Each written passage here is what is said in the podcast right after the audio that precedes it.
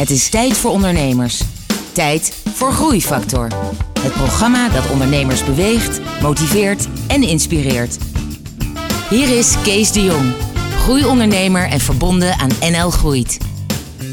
Hoe je van werken in de babypoeder kunt uitgroeien tot baas in de bouwwereld.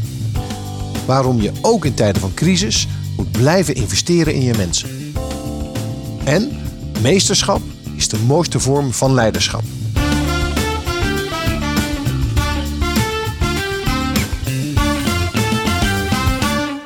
Hallo en welkom bij een nieuwe aflevering van Groeifactor. En vandaag is Anita de Groot mijn gast. Anita, welkom. Anita, jij bent uh, directeur-eigenaar van De Groot en Visser. Klopt. En De Groot en Visser, kan je heel kort uitleggen wat jullie doen? Uh, de Grote Visser is een uh, bedrijf dat gespecialiseerd is in ramen, gevels, zonwering en solar als onderdeel van de gevel. Uh, wij zijn toeleverancier aan de bouw en wij maken grote utilitaire en woningbouwprojecten in Nederland. De gevels althans. Ja, jullie zitten in Gorkum en het is best wel een serieus bedrijf. Absoluut. 120 man, Klopt. ver boven de 30 miljoen omzet. Ja. En jij leidt dat nu sinds 2003, want je hebt het overgenomen van je vader. Ja, sinds 1998 ben ik daar ingekomen. Ik heb eerst bij Nutritia gewerkt in de babyvoeding. Totale andere tak van sport. Ter voorbereiding. ter voorbereiding. En eh, ik vond het eigenlijk niet zo leuk of best wel lastig om onder de baas te werken. Dus toen ben ik onder mijn vader gaan werken. Dat is nog lastiger. Ja. En eh, na vijf jaar heb ik het eh, mogen overnemen. En vervolgens heb je het verdubbeld. Ja, in een Ja. langere periode. Daar gaan we straks eh, alles eh, over horen. De hoogtepunten, de dieptepunten, je hele eh, loopbaan en wat je plannen zijn nu met het bedrijf. Maar eerst luisteren naar muziek. En we beginnen met de Brand New Heavies. Groeifactor beweegt ondernemers.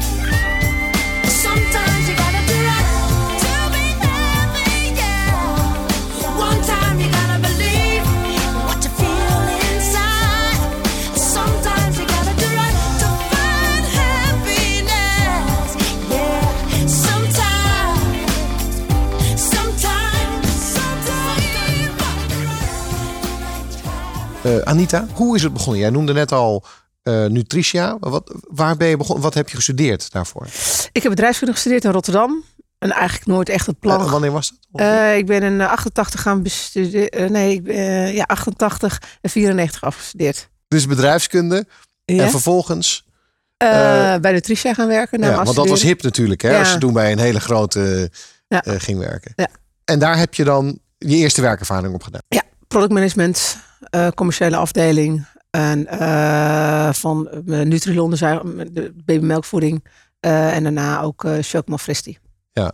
Hey, en wat zijn dingen die je daar hebt geleerd, waar je nu nog in je huidige functie als, als directeur van een eh, bedrijf van 120 man nog iets aan hebt?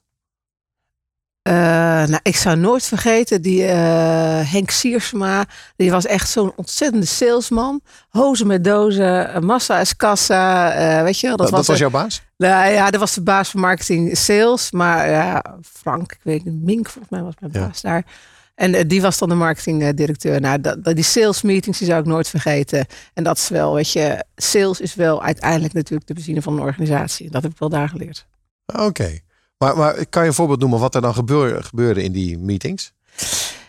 Het was ook een ras-salesman. Die echt, die, die, die, die, de- het hele distributiekanaal van eh, al die eh, supermarkten was gewoon, die kende hij. Hij kende iedereen, alle ingangen. En hij kon daar gewoon echt staan. Iedereen motiveren van, eh, kom op jongens, langs de... En sales vond hij ook veel belangrijker. Ja. En uiteindelijk was dat natuurlijk minder belangrijk. Op een gegeven moment toen natuurlijk eh, met die hele informatiekanalen en zo, en die grote marketingcampagnes. Maar hij was dan toch steeds, de extran is groot geworden door die distributie in de horeca. Eh, zo is Chocomel Fris die groot geworden. En, eh, Maar is dat dus ook een van de dingen, even heel fast forward, die jij hebt ingebracht toen jij het leiderschap overnam van eh, de Grote Visser? Dat jij ook op die manier veel meer mensen bent gaan motiveren? Eh, nou ja, op die, manier niet. Dat is niet helemaal mijn stijl. Maar eh, ik ben wel gaan focussen op sales. Want natuurlijk uiteindelijk het draait wel om relaties. En dat is wel de kern. Ook zeker in de, de fast moving was natuurlijk de relaties heel anders dan deze relaties in de, in de, in, ja, de, de- ja, bij de grote aannemers. Maar het draait er wel om. Ja. Het is altijd de gunfactor. De prijs is altijd excuustrus. Eh, ja, dat vind ik heel scherp wat je zegt. De prijs is altijd excuus. Want inderdaad, als alles klopt, dan is die prijs ook niet meer eh, belangrijk. Is meestal excuus van slechte sales. Ja. Ja. Oké, dan zijn we het daarover eens. Jij besloot eh, om weg te gaan bij Nutritia. Ja. En naar je bedrijf van je vader te gaan. Wat zat erachter? Nou, ik besloot eigenlijk weg te gaan bij Nutritia. En ik had toen, was ik toen bij een farmaceut aangenomen ergens in Alkmaar. Ik zou niet meer weten wat het was.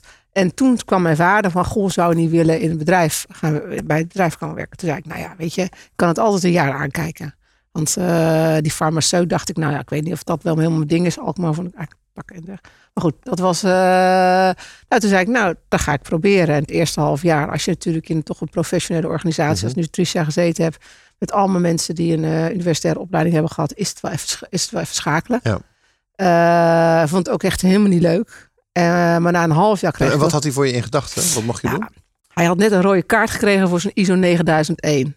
Dus Oh. ik moest binnen twee maanden Typisch bedrijfskundeproject. een kwaliteitshandboek in elkaar flansen. Wat weer voldeed aan een beetje de normen van, eh, van weet ik veel, DNV of wie was het, eh, Lloyds die dat eh, controleren.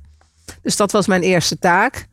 Leer je wel het bedrijf goed kennen. ja, nou op zich was dat wel, op, wel handig achteraf, maar niet echt de meest inspirerende werk. Althans, dat vond ik. Eh, en daarna mocht ik de financiën gaan doen. Want hij had een of andere iemand aangenomen. Mijn vader was nog redelijk straight eh, van de oude stempel. Die had hij ontslagen. Dus eh, kwam een plekje vrij. Dus ik mocht de financiën gaan doen. En dat was ook wel heel leerzaam. Hey, even, even dan terug. Denk jij dat jouw vader toen al in gedachten had... wellicht kan zij mijn opvolger worden? Nee, toen niet. In 98, 99 nog niet. Maar ik denk in twee, begin na 2001, 2002 wel. Toen in 2003 hebben wij ook die aandelenoverdracht gedaan. In 2006 is hij helemaal gestopt. Dus ik denk wel dat eerste jaar heeft hij het zelf ook moeten aankijken. En toen was hij wel positief verrast.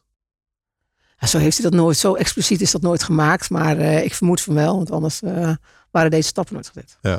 Maar eh, wat je al eerder noemde, je komt van een professionele organisatie zoals Nutritia, waarin alles goed is geregeld. Kom je bij het bedrijf van je vader met 60 man. Nou, eerst kwaliteitssysteem en toen financiën klopte niet. Eh, Hoe heb je die ervaren, die, eh, die periode? Eh, ja, ik vond het wel heel. Weet je, we maken dingen. We hebben een fabriek met 30 mensen. We maken dingen. Dus die hele integraliteit dat je overal met alles bezig bent, dat vond ik het allermooiste. Want bij Nutricia deed je een stuk marketing. En dan ging je met dat reclamebureau zitten. En op een gegeven moment dacht ik ook, joh, die drie zinnen op de verpakking of het kleurtje geel, lichter of donker. Dat, dat, dat boeide me niet meer zo. Ik denk, ja, daarmee gaan we nooit de wereld van verschil maken. Alhoewel anderen daar altijd weer anders over denken. Maar hier zag je, overzag je alles. Je was verantwoordelijk de uren die je maakte. Je hebt natuurlijk integraliteit over je dekking. Je moet je hele PNL in orde maken. Eh, de projectadministraties versus een algemene administratie. Ja, dat maakt het wel heel erg boeiend. Ja. En eh, wanneer werd het duidelijk dat jij meer zou gaan worden daar? En dat je misschien wel zou overwegen om jezelf in te kopen? Paden op te volgen? Eh, nou, dat is eigenlijk gewoon heel geleidelijk gegaan. Het is eh, in 2002, 2003, toen, toen, ja, weet je wel, dan word je wel directeur, zit je in het MT.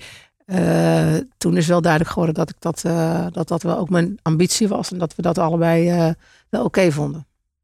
En, maar jouw broer werkte daar toen ook? Mijn broer eh, is in 2003 komen werken en is gelijk, heeft zich ook gelijk ingekocht. Hij, mijn, dok- mijn broer is dokter in de chemie, dus die heeft eh, bij Unilever gezeten. En voor hem was het natuurlijk een hele andere overweging. En uiteindelijk is het zijn ding nooit geworden. Nee. Is hij er dus ook uitgestapt. Want jij hebt je broer weer uitgekocht later. Ja. We praten zo verder. Eerst muziek van Ivar.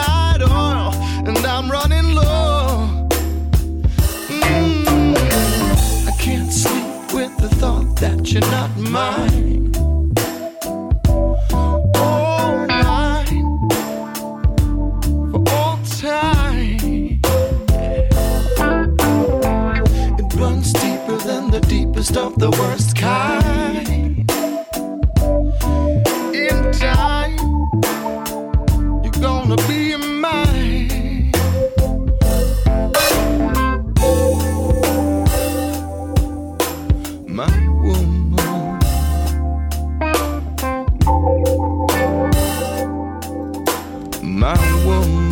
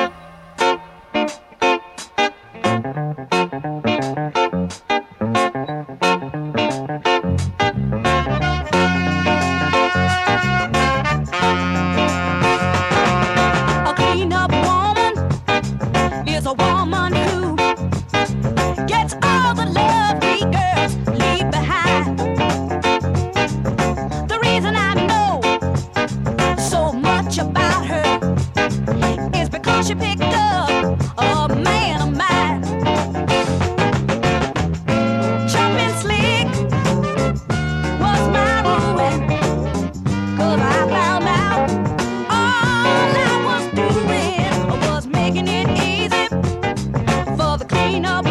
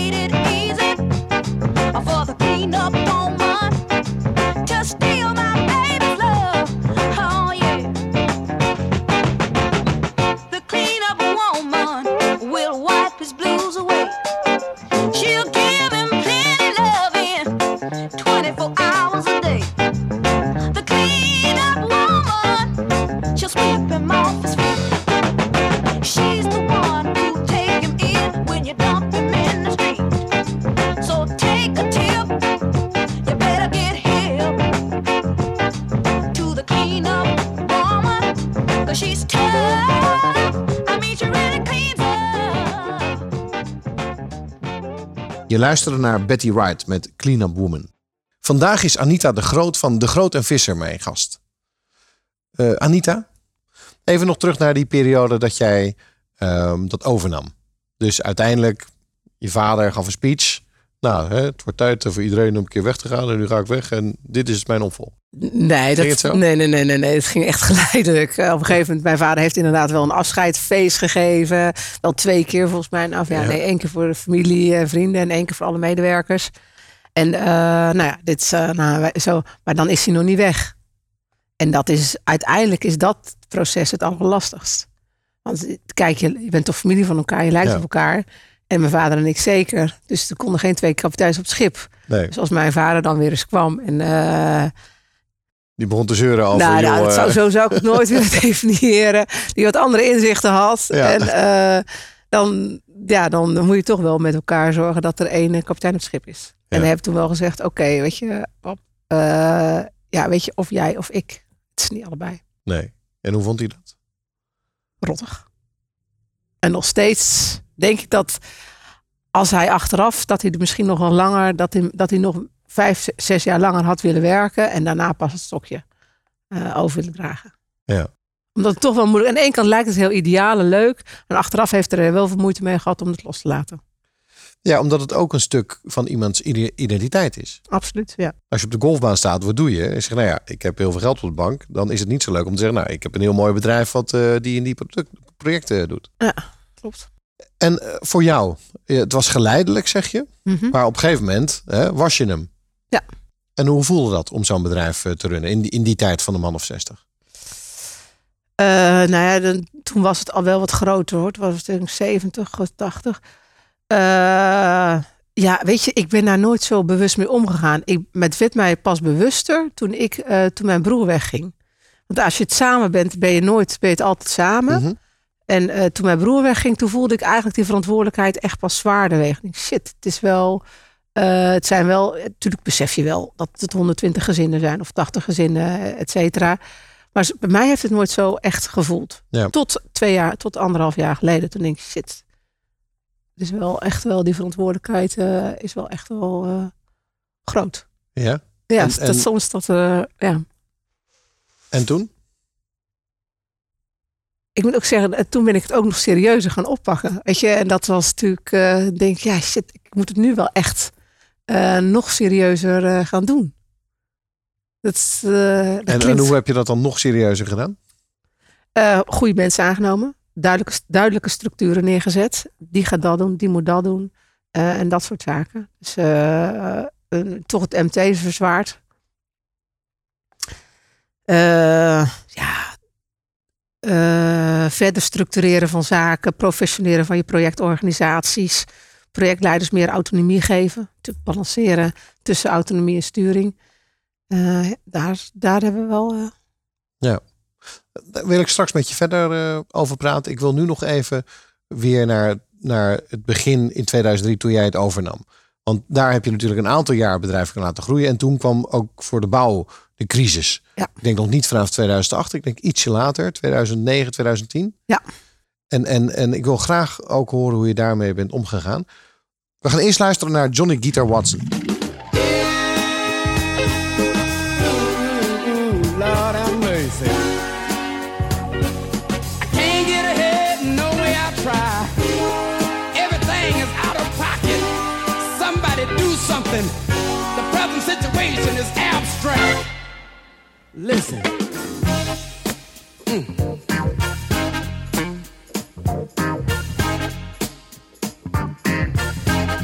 Listen. I'm working 40 hours six long days, and I'm highly embarrassed every time I get my pay. And they're working everybody, Lord, they're working poor folks to death. And when you pay your rent and your car note, you ain't got a damn thing left. Ain't that a bitch? yes, it is. Somebody doing something slick. Yeah, they are. It's got me wondering which is which. Might as well go uptown and dig a ditch. Ain't that a bitch? yes, it is. Now, ain't that a bitch? Let, let me tell you about my qualifications. I program computers. I know accounting and psychology. I took a course in business and I can speak a little Japanese. I fuck son, got to work two years to get one week off with pay. And when I'm on my job, I better watch every word I say. Ain't that a bitch? Boy, somebody doing something slick downtown. It's got me wondering which is which. Might as well go uptown and dig a ditch. Ain't that a bitch? Way too cold. Now, Ain't that a bitch? Make me wanna holler.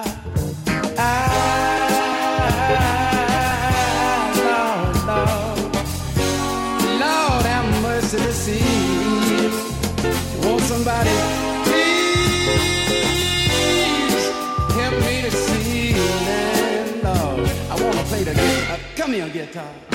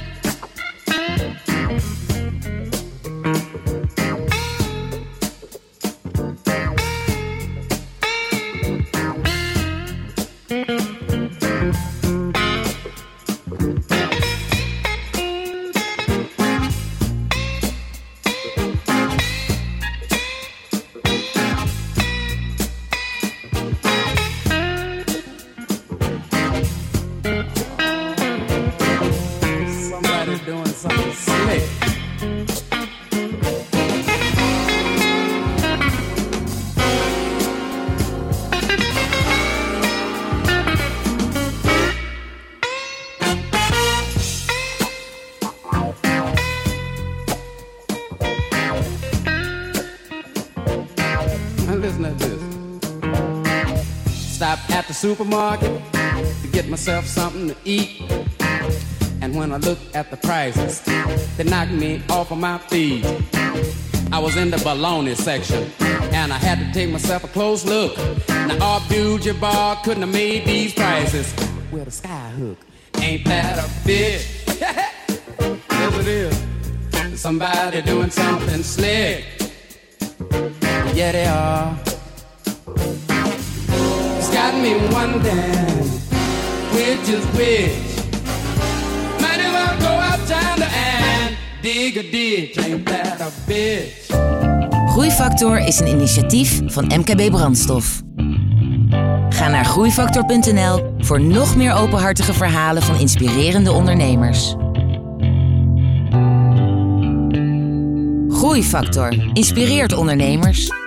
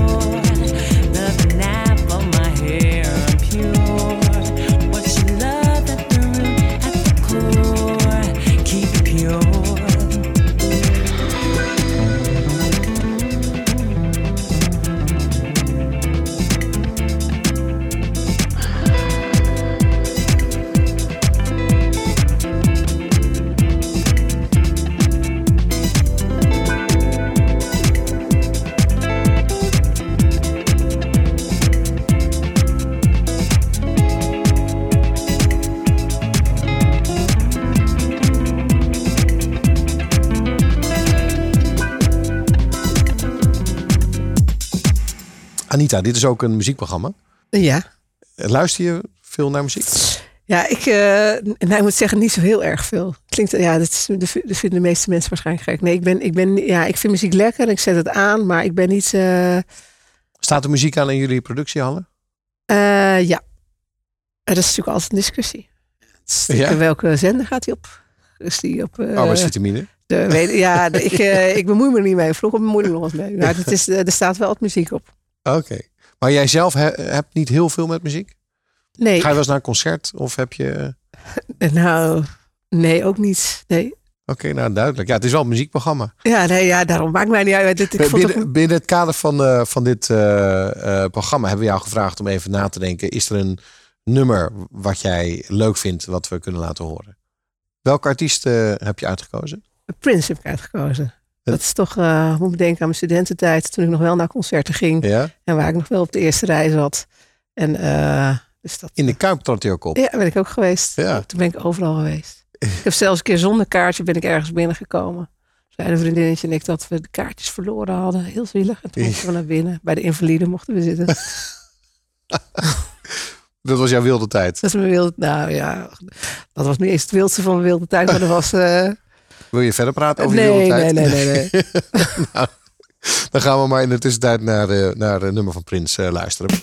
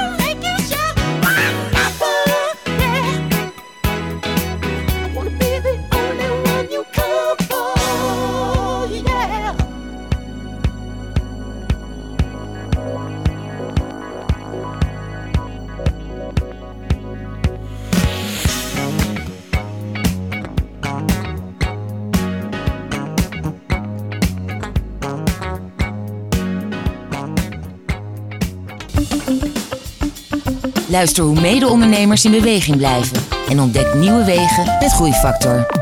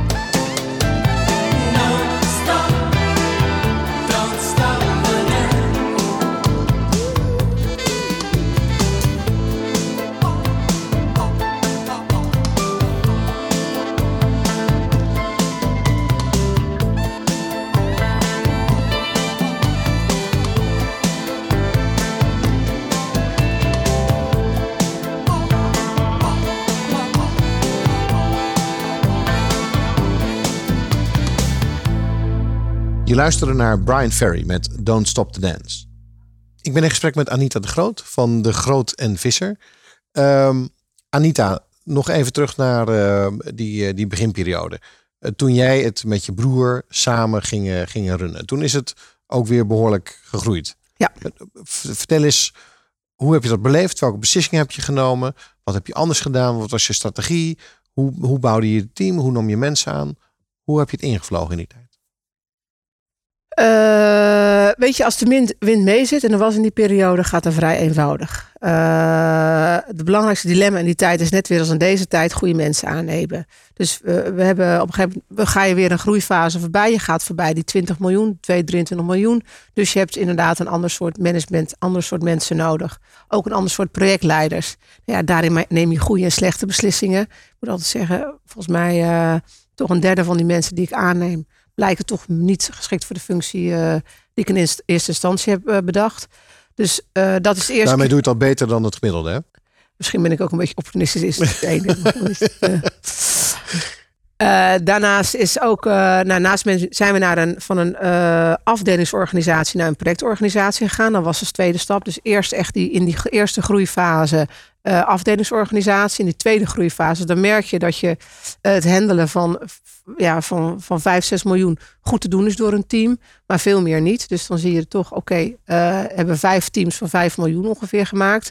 Nou, en dat heeft zich afgelopen jaren weer verder ontwikkeld. Dus binnen de teams weer een verdere professionaliseringsslag. En eh, ja, uiteindelijk is sales natuurlijk ook een belangrijke in de, in hoe krijg je je omzet binnen. En dat is natuurlijk wel wat ik van Nutricia meegekregen heb. Wij hebben altijd een vrij grote salesorganisatie gehad. Waarbij we echt focussen op de klantrelatie. Niet op de cherrypicken van leuke projecten, wat heel veel concurrentie doen. Maar op het invullen van klantwensen. Dus je hebt de sales eh, geprofessionaliseerd en eigenlijk schaalbaar gemaakt voor, voor Ja. het bedrijf. Wat zijn andere dingen die je hebt gedaan? Eh, nou ja, toch hebben we gezegd, oké, waar gaan we ons in, in specialiseren? We hebben gezegd, we gaan ons in kennis specialiseren.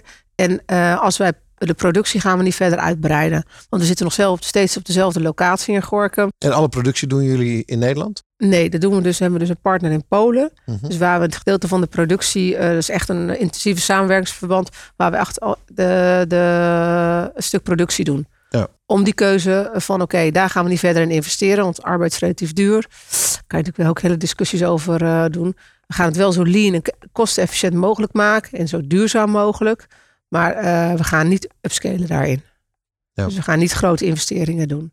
Alleen in kennis. Dus we hebben een kennisinformatiecentrum gedaan. Ja, we hebben heel veel geïnvesteerd in ontwikkeling van gevelkennis op het gebied van duurzaamheid, op het gebied van integrale gevels, op het gebied van eh ja, BREEAM-zaken, dat soort dingen. Ja.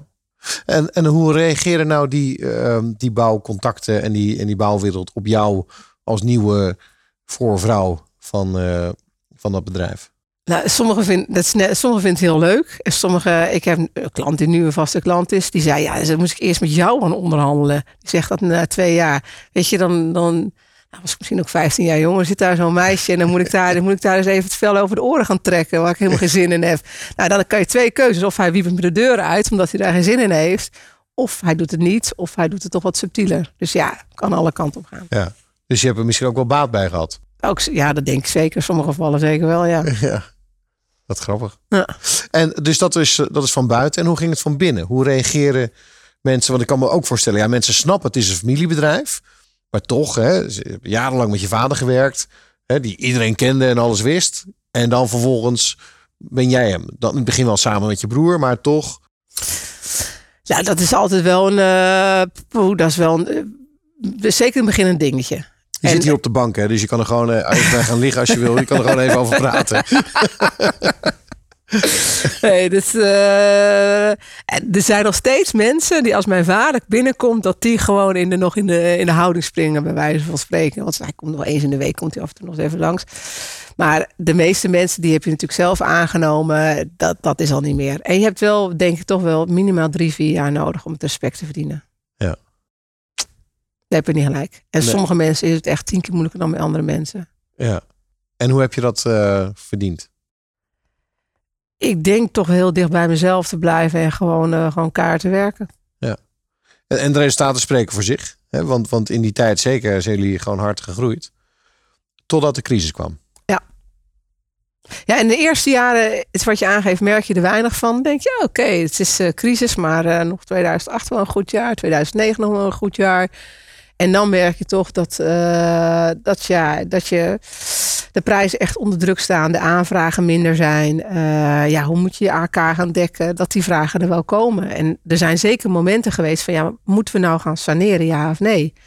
Mijn broer en ik hebben toen zeker de tijd, we gaan voor continuïteit voor de medewerkers. Je hebt natuurlijk, eh, je bent zelf aandeelhouder, dus een paar jaar wat minder verdienen, nou, dat maakt allemaal niet zoveel uit. Uh, maar op een gegeven moment is daar natuurlijk uiteindelijk de continuïteit van de organisatie staat voorop. En daarna pas die baanzekerheid voor alle me- eh, medewerkers. Maar uiteindelijk hebben we nooit een saneringsslag gemaakt. Een kleine hebben we toch wel een kleine optimalisatie gedaan. Door eens een keer eh, een stukje zonwering te saneren, wat wat minder goed liep. Hoe hebben jullie dat verder ervaren? Want ik kan me ook voorstellen dat de hele bedrijfssfeer dan onder druk komt te staan. Eh, ja, nou, nee, weet je, dat is, te- nee, dat is niet zo. Uiteindelijk, uiteindelijk eh, ja, weet je, je draait gewoon eigenlijk gewoon bijna niet meer, geen winst meer.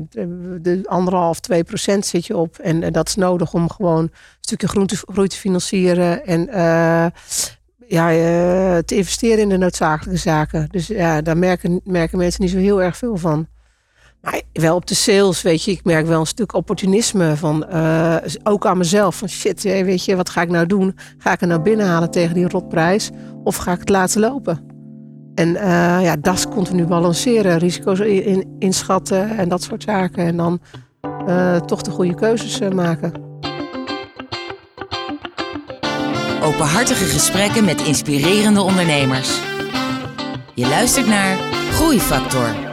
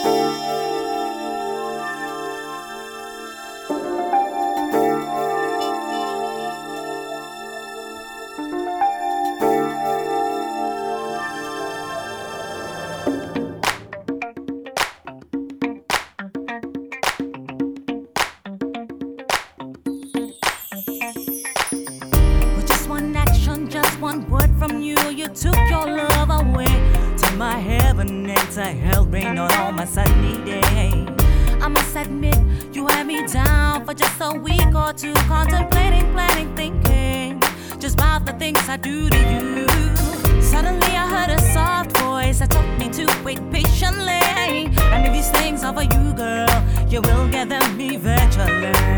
I keep rising to the top.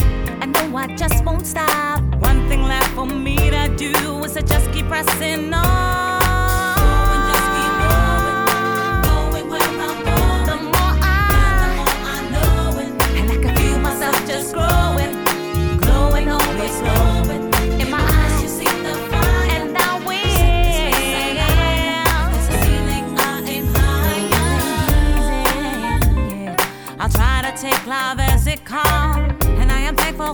it brings, though it may not always be what I want.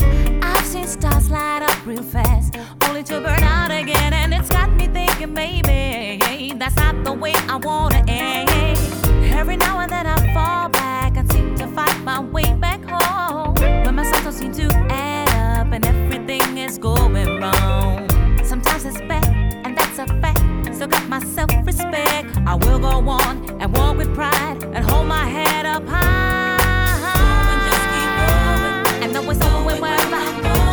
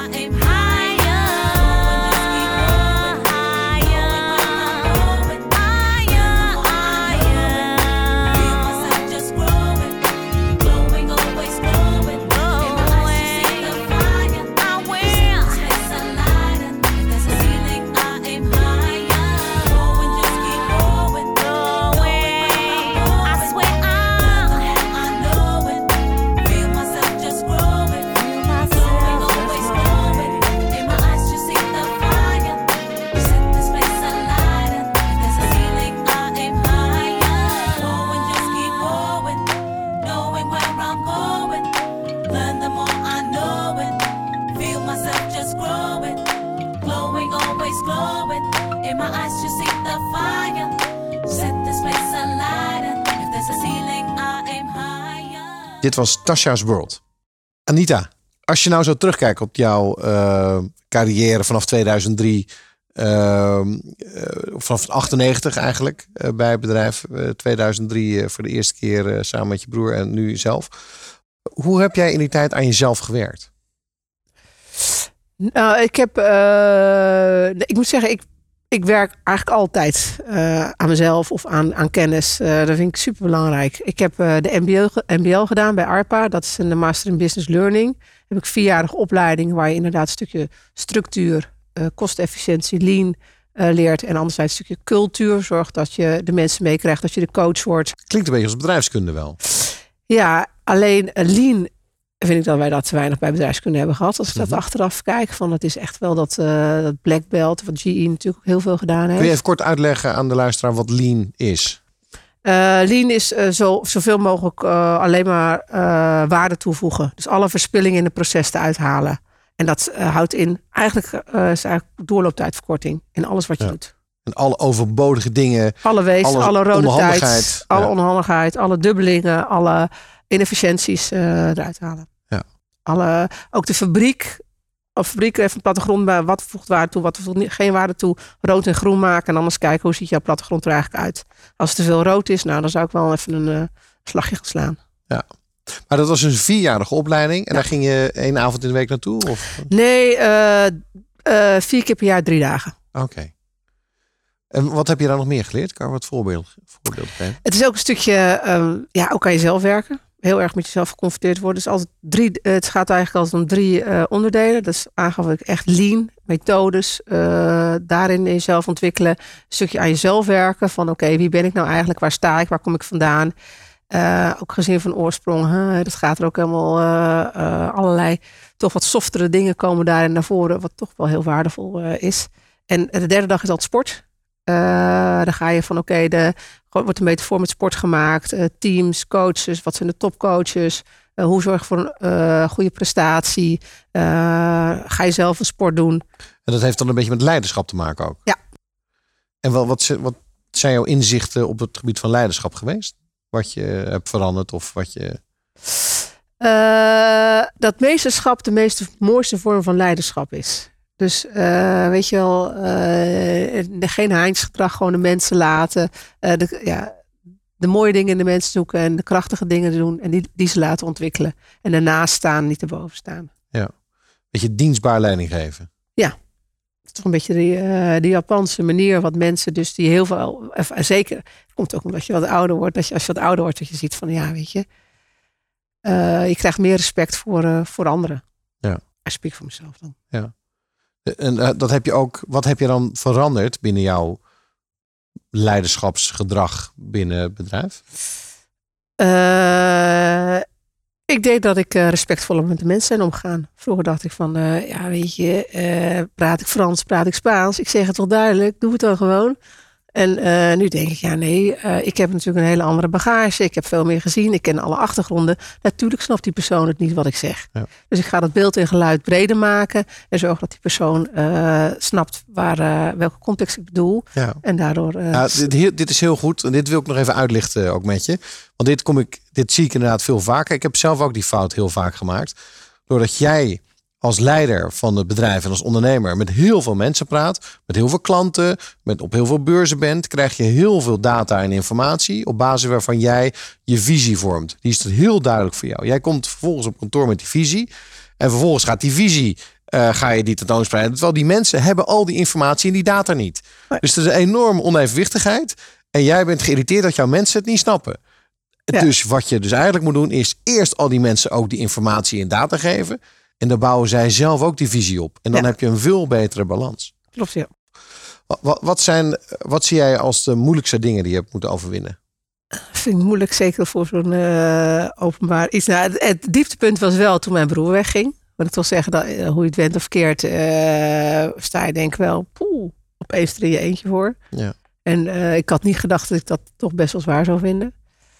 Eh, ook wel eens een keer een heel lastig project en de klant die niet wilde betalen. En eh, dat ik echt dacht, ja, hoe moet ik dat nou voor elkaar krijgen? Ik zit hier tegenover een olifant. Ik ben een muis, grote power. En eh, wat kan ik nou zeggen? En dan denk je wel, oké, dat zijn lastige dingen. Hoe heb je dat opgelost? Eh, ik heb een Zuidas-advocaat gebeld. Ik denk... eh, Dan maar de duurste Ja, advocaat. het zal me rotzorg. Want die 800 komen, euro per uur. Maakt me niet uit eh, als hij maar, eh, als mij maar helpt. En die heeft me uiteindelijk geholpen. En ik moet zeggen, wij hebben adviseurs. Ik heb drie adviseurs. Of wij hebben drie adviseurs. En die heeft ook wel wat invloed gehad. Nog andere dingen waarvan je zegt van nou, dat vond ik wel het zwaarste uit, het, uit mijn hele ondernemersleven.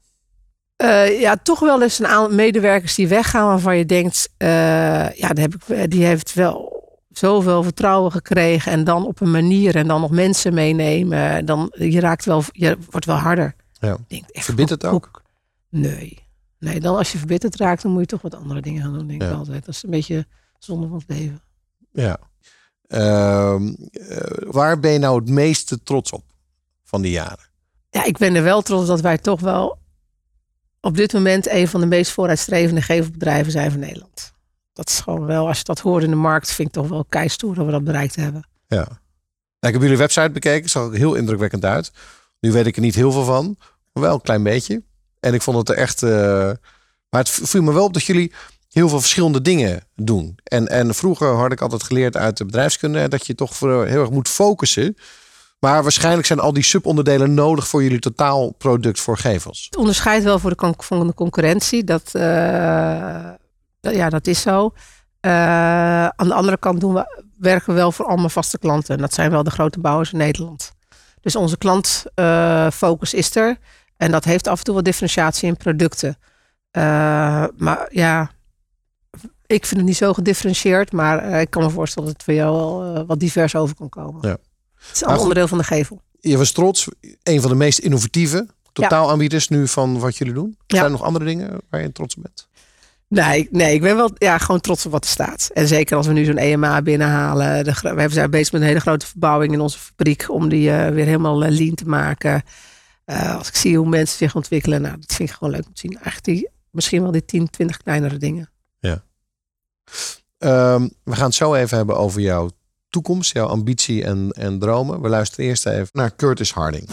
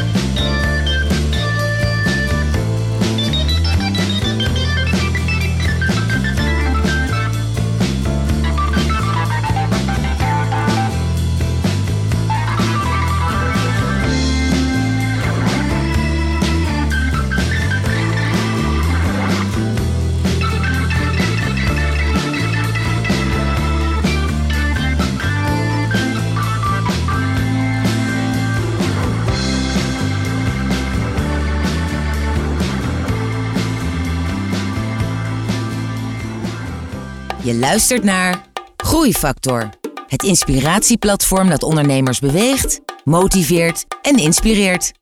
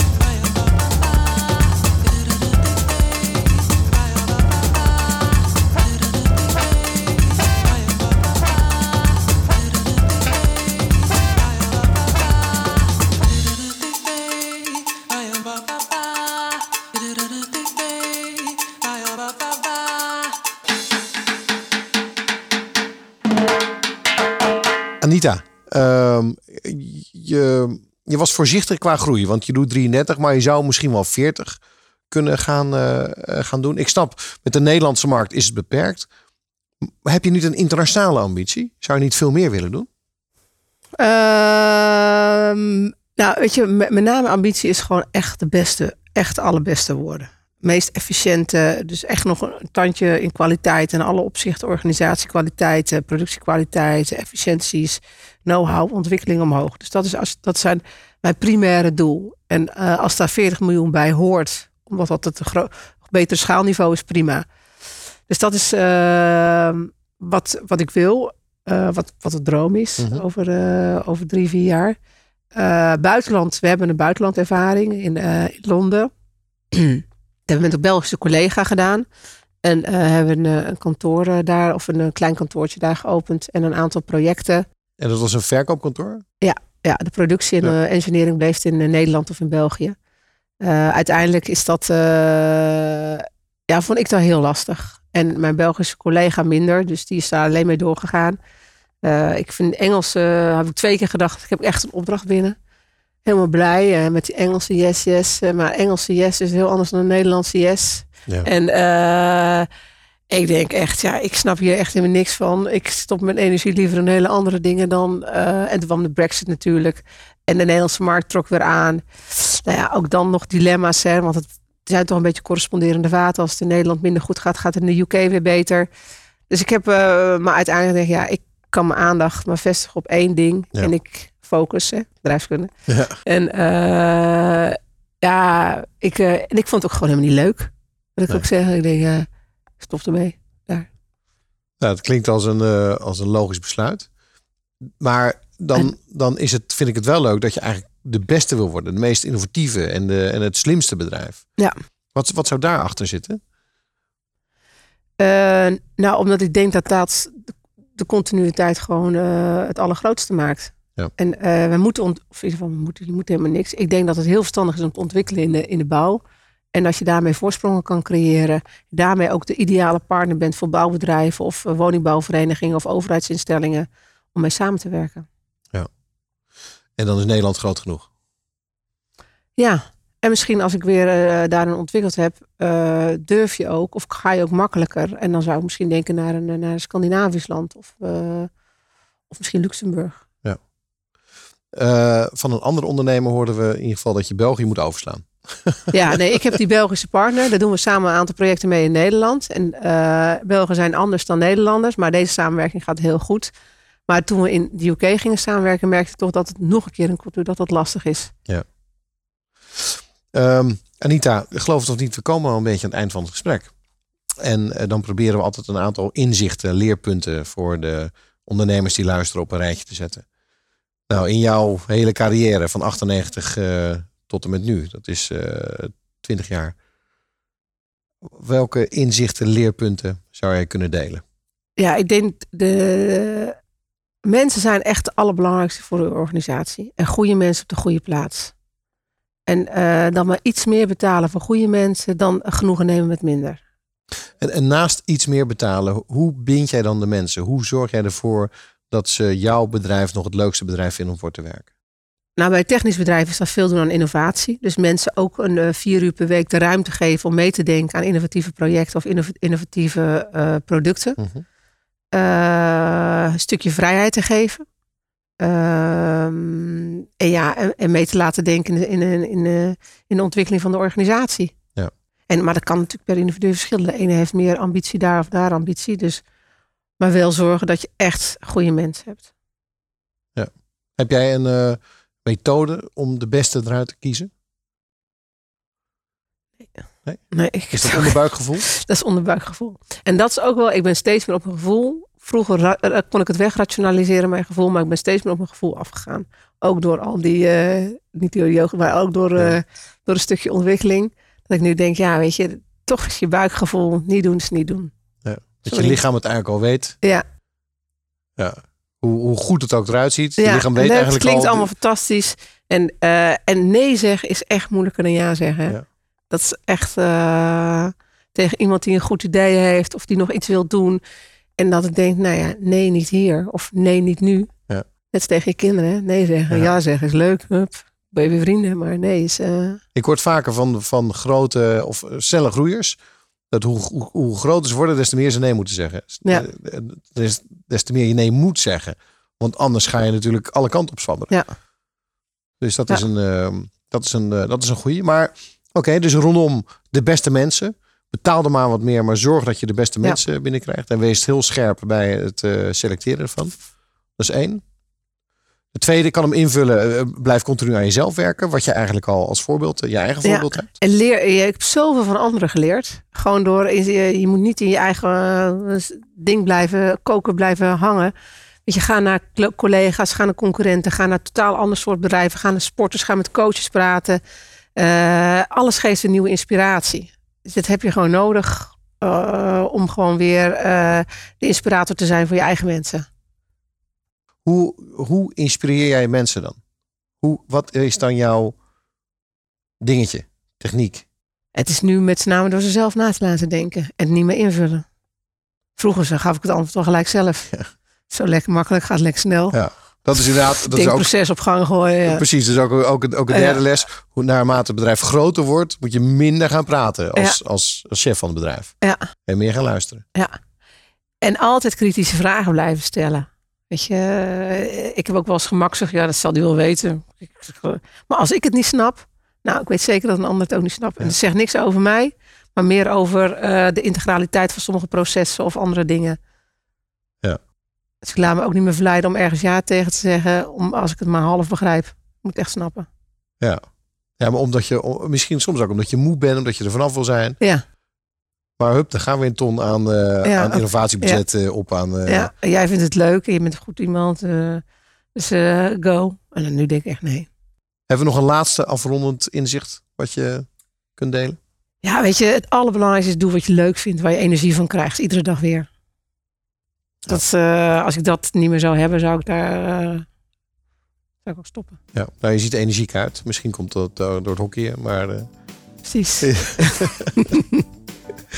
Ehm, ik wil je bedanken voor dit eh, gesprek, eh, Anita. Ja, graag gedaan. Ehm, het ziet eruit als een eh, fantastisch bedrijf. Eh, en eh, ja, ik, ik vind het leuk dat wij dezelfde achtergrond delen. Bedrijfskunde Rotterdam. Wat fantastisch. En dat jij dit mooie bedrijf eh, leidt. Ik wens je heel veel succes eh, in de toekomst. Dankjewel. Jij ook. En voor de luisteraars, je luistert naar een aflevering van Groeifactor. Graag tot de volgende keer. Groeifactor is een initiatief van MKB Brandstof. Ga naar groeifactor.nl voor nog meer inspirerende verhalen van mede-ondernemers. Groeifactor beweegt ondernemers.